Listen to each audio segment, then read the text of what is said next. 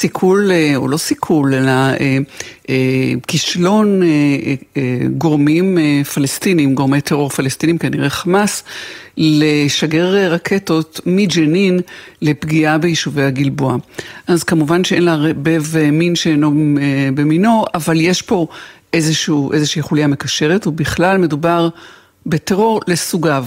יש לך משהו לסייע לנו להבין את הרקטות מג'נין, שהם נכשלו, הם לא הגיעו ליעדן, אבל הם גם יישובי הגלבוע מתריעים מפני היכולת המתחזקת הזאת? תראי, המגמה והרצון של חמאס או של, של הג'יהאד האיסלאמי או של גורמים מקומיים שפעילים בג'נין או בערים אחרות לנסות לערב את הכלי הזה שהוכיח את קטלניותו גם בסכסוך אצלם היא ברורה, היא ידועה, היא גם לא חדשה אמ, אני מקווה שהם ייכשלו ושאנחנו נוכל לסכם מבעוד מועד כוונות כאלה, אבל זאת אה, עננה שמבצבצת ברקע. זה בהחלט, אה, זו בהחלט חזית אה, חדשה, אנחנו נגיד מורגלים, זה לא אולי אלגנטי להגיד, אבל אנחנו בכל זאת, האוזן רגילה לרקטות בגזרה הצפונית, בזו הדרומית, פחות במזרחית.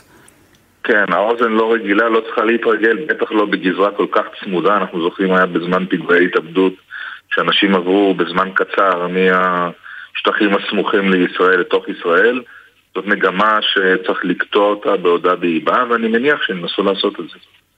אז בואו ירום שווייצר נמפה קצת את מפת הטרור העולמי בהמשך לדבר הזה, עם הנחת עבודה אה, כואבת אבל אה, מבוססת, שניסיונות פגיעה באמצעים שונים ולטרור אשר בפנים יימשכו ועם הקיץ הם מקבלים מימד נוסף עם תיירות אה, אה, ישראלית אה, ברחבי העולם.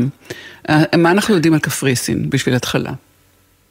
תראי, קפריסין קודם כל זה מקרה שני מאז האירוע הקודם בספטמבר 2021 שהיה ניסיון פיגוע שסוכל זה ניסיון שני תוך שנה וחצי או קצת יותר אה, ברור לנו שהאי הקרוב לישראל הוא יעד, הוא זירה פעילה, אנחנו יודעים שהאזור הטורקי הוא האזור שממנו האיראנים פועלים ונכנסים ויוצאים חופשי. זה קרה בשני פעמיים, גם ביוון היה סיכוי לפני כמה חודשים התבשרנו עליו. גם החוליה הזאת, כנראה, לפי מה שדווח בשלב הראשון על הפעולה הזאת בקפריסין, קשור כנראה לחוליה שהייתה ביוון וניסתה לפגע בישראלים גם שם. זה חלק ממערכה הרבה יותר גדולה שהאיראנים מנהלים נגדנו ביתר שאת מאז אה, חיסולו של פחרי זאדה בנובמבר 2020 והיא נפרסת על ארבע יבשות, זה לא רק באזור שלנו הסמוך לישראל או באירופה. היו ניסיונות כאלה גם באפריקה, גם באסיה, אה, כמובן גם אה, באירופה וזה חלק מהמציאות שאנחנו מתמודדים איתה, ובינתיים כל הפעולות האלה סוכלו, אבל לא בהכרח אה, לעולם חוסן. זה, מזה החשש הגדול כמובן, המוסד אה, אה, סיכל את, ה, את המתקפה הזאת, את הפיגוע הזה, אה, אומרים בשיתוף פעולה אה, מאוד הדוק עם אה, שירותי הביון של קפריסין, גם אה, ככל הנראה עם אה, מידע שמגיע מסוכניות אחרות, ויש להניח שאמריקאים, אבל לא רק הם. אז יש פה שני וקטורים שפועלים. אחד, זאת איראן, שיש לה את uh, גורמים שמשתפים איתה פעולה ומאפשרים לה בכל ארבע היבשות, כפי שמנית, ויש את המאמצים שעולם הביון uh, המערבי נגיד, ולאו דווקא מערבי, אבל זה שמשתף איתנו פעולה, מסייע לנו בסיכול, וגם אנחנו יודעים שבדבר הזה יש הדדיות, מסייעים לנו לסכל נגדנו, ואנחנו בוודאי מסייעים לסכל גם ניסיונות אחרים, כי אנחנו לא היעד היחיד. אה, לפיגוע. כשאתה אומר איראן בקפריסין, לישראל יש יחסים אה, טובים אה, עם קפריסין בוודאי, ובוודאי עם יוון. מה צריך כדי שמדינה כמו איראן תפעל, איך אני אגיד, לא, לא חשש או, או בלי, בלי גבולות, אבל בהצלחה לא קטנה לבסס לה זרועות במקומות כאלה. תראי, בואי נפריד את זה. האיראנים מנסים כאמור לפעול בארבע יבשות, גם בדרום אמריקה, גם באפריקה, גם באסיה וגם באירופה. הם לא מצליחים, וגם את זה אפשר להזכיר. עד עכשיו, למרות הסכנה שבסוף הם יצליחו, הם עד עכשיו נכשלו בתריסר פלוס פלוס ניסיונות, זה שיתוף פעולה שמנהלת ישראל וארצות הברית ומדינות נוספות עם השלטונות המקומיים, הם אלה שעושים את הסיכול, לא הישראלים עושים את הסיכול. כן, המודיעין כמובן. מגיע מאיפה שמגיע, והפעילות היא נעשית על ידי המקומיים שהצליחו לסכל את כל הפעולות האלה. מה שצריך לציין זה שהאיראנים אה, מגלים תעוזת יתר בשנתיים האחרונות, שנתיים וחצי האחרונות, ומחזירים בעצם את הפעילות, לפ... לפ... עוברים לפעילות אגרסיבית בחו"ל ולא רק נגד ישראל. היו גם ניסיונות איראנים של משמרות המהפכה נגד uh, יעדים אמריקאים בתוך ארה"ב. אני מזכיר את בולטון, אני מזכיר את פומפאו שהיה חלק מהאיסוף מל"ם, עובדים נגד uh, uh, בחורה שהיא מראשי האופוזיציה בארצות הברית, בחורה קולנית. ניסו לעשות פיגועים גם בלונדון, ניסו לעשות פיגועים גם בצרפת. שמענו עכשיו שכנס שמתקיים הרבה שנים של המוג'הידין חלק בפריז אה, בוטל השנה, גם כתוצאה מאיום בטרור של האיראנים. כלומר, גם באירופה ובארצות הברית וצפון אמריקה, האיראנים מגלים פעילות, יש לזה מילה טובה באנגלית, הם בולדנד, הם כאילו מגלים תעוזת יתר וחוצפת יתר כתוצאה מהעובדה שהם בינתיים לא משלמים מחיר, גם הכל סוכל, אז גם אין מאומץ בזה. ועם זאת, יש חשבון פתוח. אה, הם, אה, הם כן משלמים, זה, זה לא שהם משלמים מחיר, הם כבר מבקשים אה, או מחכים לסגור חשבון על, על, על מכות שהם ספגו. אנחנו קצת מתנמנמים אולי, אבל אנחנו יודעים שבדרכים שונות, כולל חיזבאללה בצפון ו, ובכל מקום אחר, ממש ליד הבית, אבל גם במרחק, הפנקס הזה עדיין פתוח. תראי, הפנקס פתוח הרבה זמן אצל האיראנים ואצל חיזבאללה. גם חיזבאללה עשה לא מעט ניסיונות פיגועים בחו"ל, אחרי חיסול מורניה, כבר אנחנו מציינים הרבה שנים, זה היה ב-2008. הם ברוב המקרים כשלו, אבל הם מנסים. הם בהחלט רואים בזירה הזאת הבינלאומית כזירה שבה הם יכולים להשיב לישראל ולאחרים. תגמולם, בתפיסתם כמובן הם תוקפניים ולא, כלומר אנחנו תוקפנים, המערב וישראל ולא הם, אבל הפעילות הזאת שבזמנו, שהייתה באופן מאוד אינטנסיבי אחרי פרוץ המהפכה ב-79, בשנות ה-80 וה-90, שכחה מעט, ואנחנו רואים עכשיו שוב חזרה, לא באותם היקפים, אבל עדיין זו פעילות חריגה, והיא מאפיינת את השנתיים וחצי האחרונות. ולפני שאנחנו מסיימים את השיחה הזאת, בשביל אה, לנסות אה, אה, לתאר את הקיץ הזה ואת קווי, קווי השילוח של ניסיונות הפיגוע האלה ושל הגורמים שפועלים, אתה אומר איראן, אבל יש לנו גם את אפגניסטן וגם כלים נוספים, והזכרת את אפריקה. אלו הן המטרות ועד כמה ישראל אה, נמנעת מלסכל אה, באופן פעיל על ידי אה, אזהרות מסע, אבל עוקבת מקרוב בעונת התיירות הזאת יותר מאשר בימים רגילים?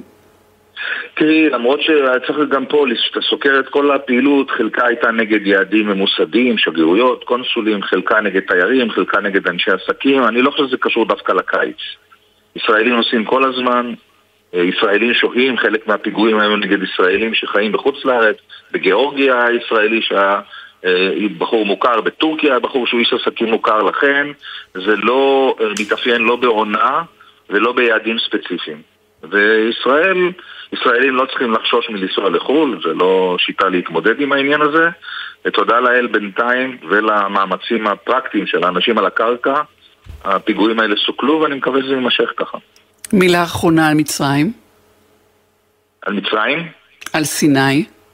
על סיני, כן, ראיתי שהמצרים אה, לא מוכנים, תראי, צריך לזכור שהישראלים יש להם רף מאוד אה, גבוה וקפדני כדי שיתירו ל... אה, או שייתנו את, ה, את הסכמתם להבטחה מסודרת ומשותפת ופה, מה שאני מבין במצרים, המצרים לא היו מוכנים לעמוד ברמה ובסטנדרטים האלה ובינתיים אה, הייתה, יש הפסקה עד שהעניינים כנראה יישרו אה, בין שתי המדינות. אבל גם למצרים יש עניין שישראלים יבואו, כי זו הכנסה כלכלית נאותה ונאה, ואני מקווה שיצליחו להגיע לעמק השווה, כי אסור להתפשר בנושא האבטחה. יורם שווייצר, חוקר בכיר במכון למחקרי ביטחון לאומי, תודה לך על הסקירה הזאת. שלום וקיץ בטוח לכולנו. תודה רבה וערב טוב. ערב טוב. עכשיו אנחנו חוזרים אלייך, מיקי אהרונסון, ראש חטיבת מדיניות חוץ במטה לביטחון לאומי לשעבר. שלום ושוב ערב טוב. ערב טוב. כמובטח, אנחנו אה, נפגשות שוב אחרי שאתמול נקטענו באכזריות. ראשית הייתי צריכה שמה לנסות להספיק לתקן אה, טעות. דיבר איתי אלוף אה, גדי שמני על הנעשה ביהודה ושומרון, הזכיר לטובה את uh, ראש מועצת uh, אפרת, uh, עודד רביבי, הוא קרא לו מתי רביבי, אז אנחנו מתקנים לעודד רביבי, זה חוב שאני חי, חייבת, חוב של כבוד, והנה החוב הגדול הוא לך. דיברנו על, שאלנו אתמול איך פוטין יוצא מהסיפור שב-24 שעות קודם חל, בו, חל בו תפנית כל כך... חדה, והנה עברו עוד 24 שעות מאז שדיברנו, ושוב תפנית חדה. והפעם אה, אה, בראשות או במככב יבגני פריגוז'ין שוב. כן, אה, אנחנו בינתיים שומעים בעיקר הצהרות ולא רואים תפניות וממשיכים לעקוב, אבל ההצהרה באמת מעניינת. אה, פריגוז'ין אומר שכוח וגנר יחדל מלהתקיים כי רק כשני אחוז הסכימו לחתום את החוזה הנדרש עם משרד ההגנה הרוסי. זה עדיין לא, לא אומר שאנחנו יודעים מה קורה עם כוח וגנר במקומות כמו אפריקה. האם גם שם הוא יחדל להתקיים? מה גורלו של פריגוז'ין אישי? אבל uh, בהחלט צריך לחכות ולראות, uh, מפזרים הצהרות, מפזרים ספקולציות, ומאוד מאוד קשה לאושש אחת מהן כשהעובדות כל כך סותרות את עצמן. אה, אבל אנחנו מסתכלים, אה, מסתכלים גם, אם תרשי לי לקחת את זה קצת לאזור שלנו, כי כמו כן, שאמרנו... כן, אני רק לפני זה, נכון, כי, כי, נכון, נכון, אבל, אבל לזה התכנסנו בפעם הזאת, רק עוד לפני זה, כשכל היום עוסק העולם בבחינת אה, המפסידים והמנצחים, במהלך המוזר הזה שהתרחש והדרמטי, והיום מונה העיתונות בעולם את, אה, את אה, נשיא בלרוס, שהוא הדיקטטור הגדול, גדול גם גדל גוף מאוד, מנצח או המרוויח מה, מהמהלך הזה. אה, אז אם זה נכון, נכניס את זה למשוואה ואז נשאל איפה ישראל בתוך הסיפור.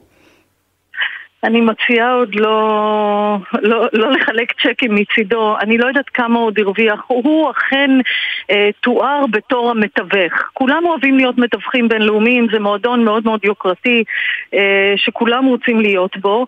לא ברור בדיוק מה התפקיד שלו, אה, נאמר לפי ההסכם שלא ידוע ככל הנראה, לא, ידוע, לא ידועים באמת פרטיו, אה, האם אה, פריגוז'ין אכן יושב בבלארוס? יש מקומות אחרים שיכולים לקבל אותו לפי ההסכם. הוא ככל הנראה אמור לשבת שם.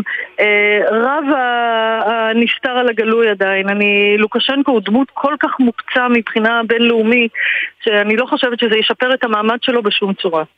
חוץ מאשר אה, אצל שכנו פוטין ובברית לא, ביניהם. שם הוא כן, כבר, הוא בן בית. כן. בדיוק. היו, היו סברות שאולי פריגוז'ין יקבל את בלרוס, אני אומרת את זה במרכאות, אבל זה הכל ספקולציות שבאמת קשה, קשה להעריך כמה, כמה הן שוות. אז, אז אוקיי, אם ככה אנחנו אה, חוזרים אלינו וכן קושרים את זה, כי כל שאלת הבריתות באמת, ומי מפעיל את מה ואיך הדומינו הזה עובד, איפה ישראל? אז זו שאלה מעולה, כי בנושא הבריתות אנחנו עדיף אולי להתחיל ממעגל רחב יותר של המזרח התיכון, ואז לראות איפה אנחנו בכל הסיפור. אני חושבת שהמדינות ערב די בהלם. אה, הן בנו מאוד, בעיקר הסעודים והמצרים, בנו על איזשהו איזון, על איזשהו כוח מיקוח שיש להן מול ארצות הברית. כי סין נתפסת עדיין שם ככוח כלכלי בעיקר, ורוסיה נתפסת ככוח צבאי, גם שאפשר לקנות, לקבל ממנה סיוע צבאי, וגם שהיא יכולה לשמש ככוח מיקוח בעצם בהתקרבות שלהן אליה מול ארצות הברית. והאירוע הזה מאוד הוכיח שברית המועצות, סליחה, טעות אה, פרוידיאנית, שרוסיה כן. היא, היא לא באמת כוח כזה שאפשר יהיה להתמקח בעזרתו. אני לא יודעת אם האמריקאים יהיו נוקמנים בעקבות ההתנהלות של, שוב, מצרים וסעודיה, למשל. עכשיו, אני מצמצמת קצת את המעגל, ואני חושבת שהגורם שהפסיד הכי הרבה מכל האירוע הזה, תופתעי לשמוע אולי, זה אסד. כי אסד אה, בנה על רוסיה ככוח מאזן לאיראן mm-hmm, בסוריה. Mm-hmm. אין לו, לא היה לו אינטרס לתת לאיראן להתחזק כל כך הרבה, אבל איראן עכשיו מעצימה את ההשפעה שלה בסוריה. ככל שהעוצמה הרוסית בסוריה תלך ותפחת. עכשיו, הוא יכול לסמוך אולי עלינו. אולי הוא יכול לסמוך על ישראל שהיא תעכב את ההתפשטות האיראנית. אני, אני בדרך לשם. עכשיו, אוקיי. ככל ש... אני מניחה שהרוסים אה, יפחיתו אה, את העיסוק שלהם בסוריה, את הכוח שלהם. ברור עכשיו גם שהוא לא חזק כמו שהרוב חושב, חשבו עד עכשיו. יהיה אולי פחות ריסון רוסי בסוריה, שזה לא עובד לטובת ישראל. וככל שאיראן תסייע יותר לרוסיה, והאיראנים יצאו בהצהרה. שכמו שהם עזרו לאסד ב-2017, הם גם יעזרו לפוטין, הם אמרו את זה לפני יומיים בערך. אמ, ולכן בעצם אה, אסד הוא מפסיד גדול, כי ההשפעה האיראנית בסוריה בהכרח תגדל. הוא צריך להשת... להסתמך על מישהו. לאן זה מביא אותנו בעצם? אם איראן מעצימה את ההשפעה שלה בסוריה והאחיזה שלה אכן מתרחבת, אני אגיד משהו קצת קיצוני, ישראל חייבת להעצים את הפעילות הסיכולית שלה. בעיקר בסוריה, נגד האיראנים. הנה הגענו.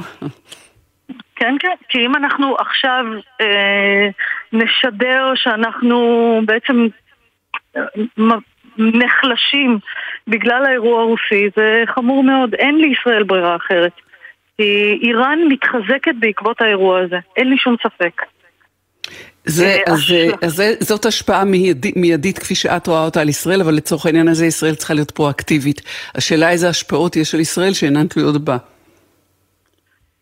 תראי, אני אגיד משהו לא, לא נעים ולא פוליטיקלי קורקט. פריגוז'ין הוא יהודי. ככל שיאשימו אותנו עכשיו, זה מאוד מאוד נוח להאשים יהודים וכולי, זה משחר ההיסטוריה. אני לא יודעת איך זה ישפיע על הקהילה היהודית ברוסיה, אני לא יודעת איך זה ישפיע מסביב. לא ברור עם מי פריגוז'ין עבד, עם מי הוא שיתף פעולה, מי עמד מאחורי זה, אבל יש לזה משמעויות. כלומר, את, את לוקחת, אה, את אה, הולכת אחורה לשורשים היהודיים של פריגוז'ין ושל כל הטריומווירט הזה, ששני חלקים ממנו, הם, אה, יש להם נגיעה ישירה לישראל, נגיד כך. אני חושבת שלא ירשו, לו, לא ירשו לנו לשכוח את זה. כן. אה, אז אם ככה, אלה, אלה הם הממדים או הזוויות שבהן ישראל מושפעת אה, ממש ישירות, היינו, היית אומרת, מההתפתחות כן. הזאת. אני, אני ארשה לעצמי לפני סיום להטריח אותך, אה, מיקי אהרונסון, או אולי להטריד אותך, בבקשה בכל זאת, להמר האם בחשבון הגדול הסופי של האפיזודה הקטנה הזאת, פוטין יוצא חזק משהיה? אה, כל עוד הוא משאיר על כנם את אה, שר ההגנה ואת מפקד הכוחות באוקראינה, כמובן למורת רוחו של אה, פריגוז'ין, או שנשחקה הקליפה שלו, והדימוי שלו נשחק במידת מה. אני אענה מאוד בזהירות. כמובן שנדרשו דמויות להאשים אותם בחוסר ההצלחות באוקראינה. אה, שר ההגנה והרמטכ"ל יכלו להיות בדיוק הכתובת המתאימה. כל התיאוריה הזאת הייתה מסתדרת נהדר, אבל ברגע שפריגוז'ין יוצא ואומר שאוקראינה לא התגרתה ברוסיה, וההחלטה בעצם לפלוש לשם הייתה תוצאה של איזה אה, חמדנות של אה, גנרלים ואוליגרכים רוסים, זה לא יכול לחזק את פוטין בשום צורה. וגם העובדה שהוא הצליח להתקדם כמעט 800 קילומטר לכיוון מוסקבה בלי שעצרו אותו. חוץ מזה שהאיש אה, שאומר את זה, זה האיש שהוא עצמו אחד אוליגרך, שתיים, הוא לא יכול להיות פתאום אה, איש שמייצג את האמת העירומה, זה, זה, כל בר דעת מבין שזה, שזה תפקיד במחזה, ותו לא. אני חושבת שיש כאן הרבה שחקנים, אני רק לא בטוחה למי שייך האקדח שיראה בסוף המערכה, mm. אם תרשי לי להיות פואטית לרגע. בשמחה ותודה. מיקי אהרונסון, ראש חטיבת מדיניות חוץ במטה לביטחון לאומי לשעבר, לעונג היה, שלום לך. תודה רבה, ערב טוב. ערב טוב.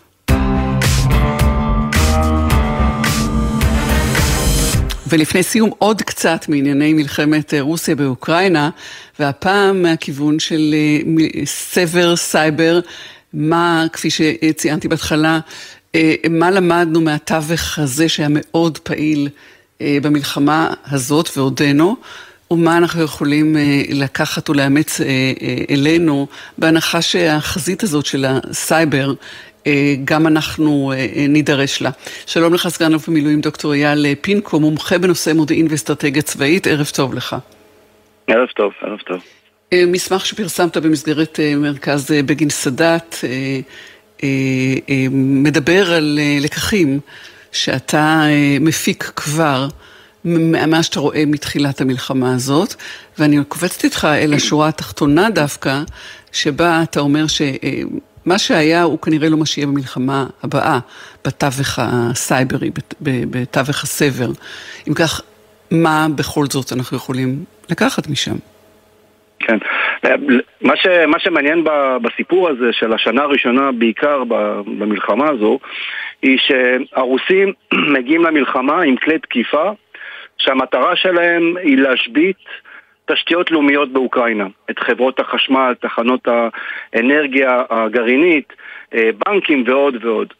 ובעצם אה, קבוצות התקיפה הרוסיות מנסות לתקוף, מנסות לעשות השבתה ונזקים כמו שהם עשו ב-2014 במערכה הקודמת, ובעצם כך לתמוך במאמצים הצבאיים.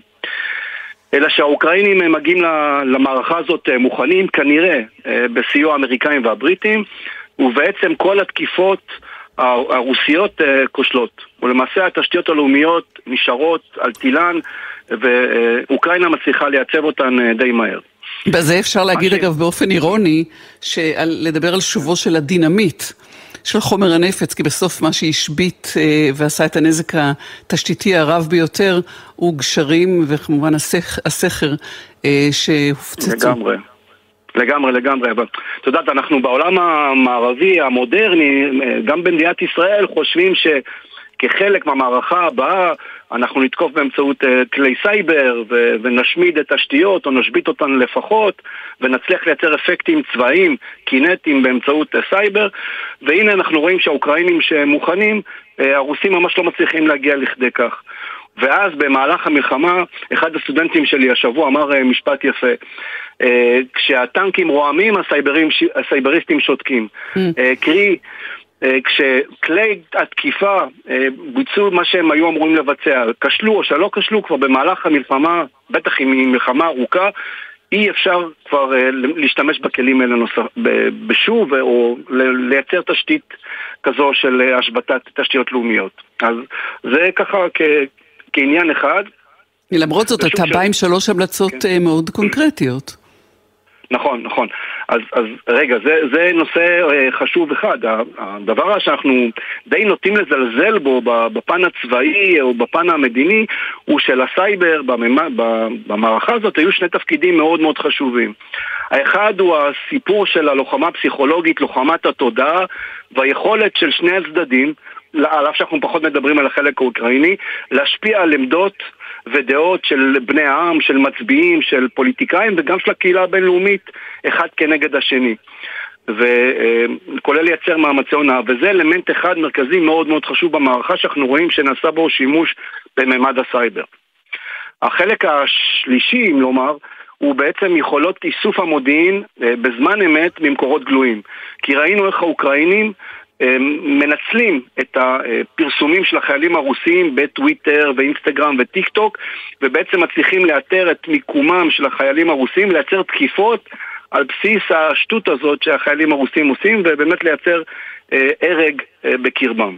ואלה שלושת הדברים החשובים שמימד הסייבר בעצם נוצל במערכה אה, בשנה הראשונה שלה. אתה מדבר על צורך לפתח, ליצור עליונות בתווך הסייבר, אנחנו במובן הזה בוודאי נמצאים בשורה הראשונה, רק הדיאלקטיקה הזאת של תקיפה ומענה, או כלי תקיפה ומענה, היא כן. לא רק נחלתנו. וכמובן מהלכי נכון. הונאה, זה כל הנושא של הינטוס תודעה במידה מסוימת.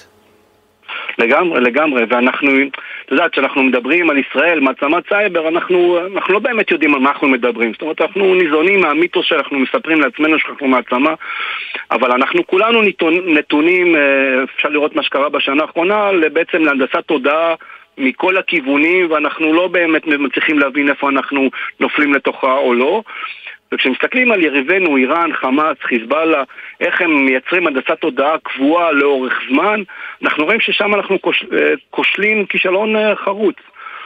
ולכן כשמסתכלים על מערכה הבאה אנחנו צריכים לפתח אה, לא רק כלי תקיפה וארסנל שלם של כלי תקיפה שיכול לשמש כבקאפ אם השורה הראשונה נופלת, אלא גם לייצר יכולת הגנה טובה מאוד על התשתיות הלאומיות שלנו, כדי לאפשר המשכיות מדינתית או המשכיות עסקית, מה שקוראים בז'רגון האחר.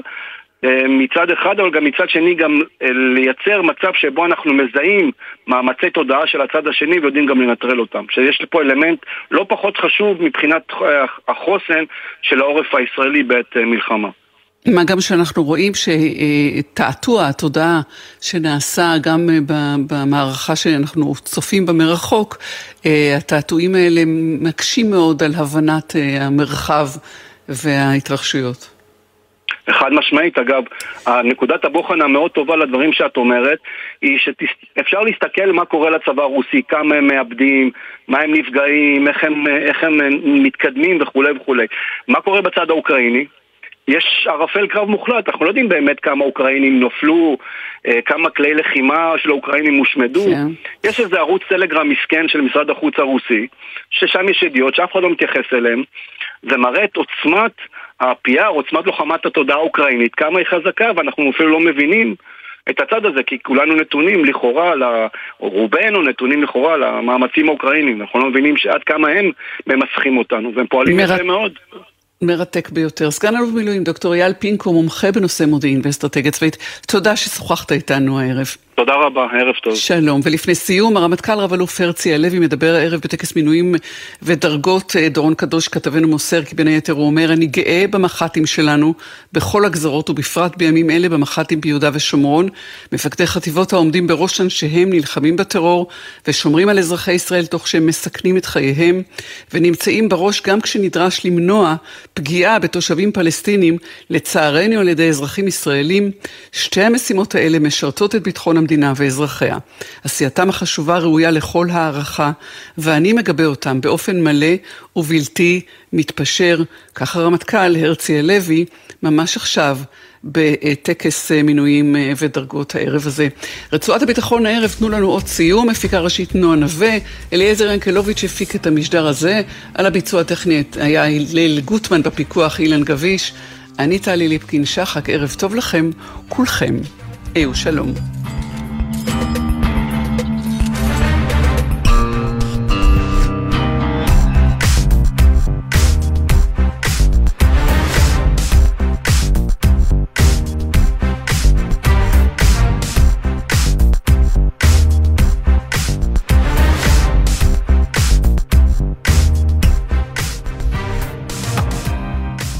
בחסות ACE, המציע את ACE and Move, שירות חדש להובלות דירה, וגם שוברים בשווי אלף שקלים למימוש בסניפי ACE. פרטים בסניפים ובאתר, כפוף לתקנון.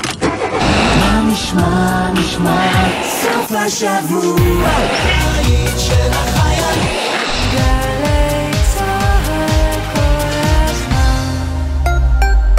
ללמוד בזמן, במקום ובקצב שתבחרו. האוניברסיטה הפתוחה, ללמוד שאפשר גם אחרת. ההרשמה בעיצומה, כוכבית 3500. סיגרו לעצמכם חופשה קצרה בירושלים. ירושלים, הכי חופשה, ליומיים שלושה. לפרטים iTravelJerusalem.com בין רעננה לזיכרון יעקב יש לפחות כ-12 תחנות דלק.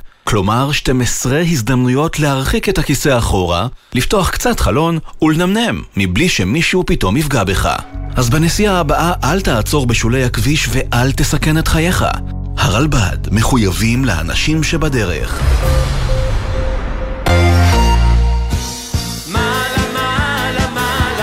מעלה מעלה, מופע מחווה למלך הפופ צביקה פיק. משתתפים דנה אינטרנשיונל, רותם כהן, מאיה בוסקילה, קובי אפללו, אמרי זיו, מיי פיינגולד, אילנה אביטל, שרי, שימי תבורי וריקי בן ארי, במסגרת מופע הנעילה של פסטיבל אשדודנס. חמישי, תשע בערב, אמפי אשדוד, ובקרוב בגלי צה"ל. אתם מאזינים לגלי צה"ל.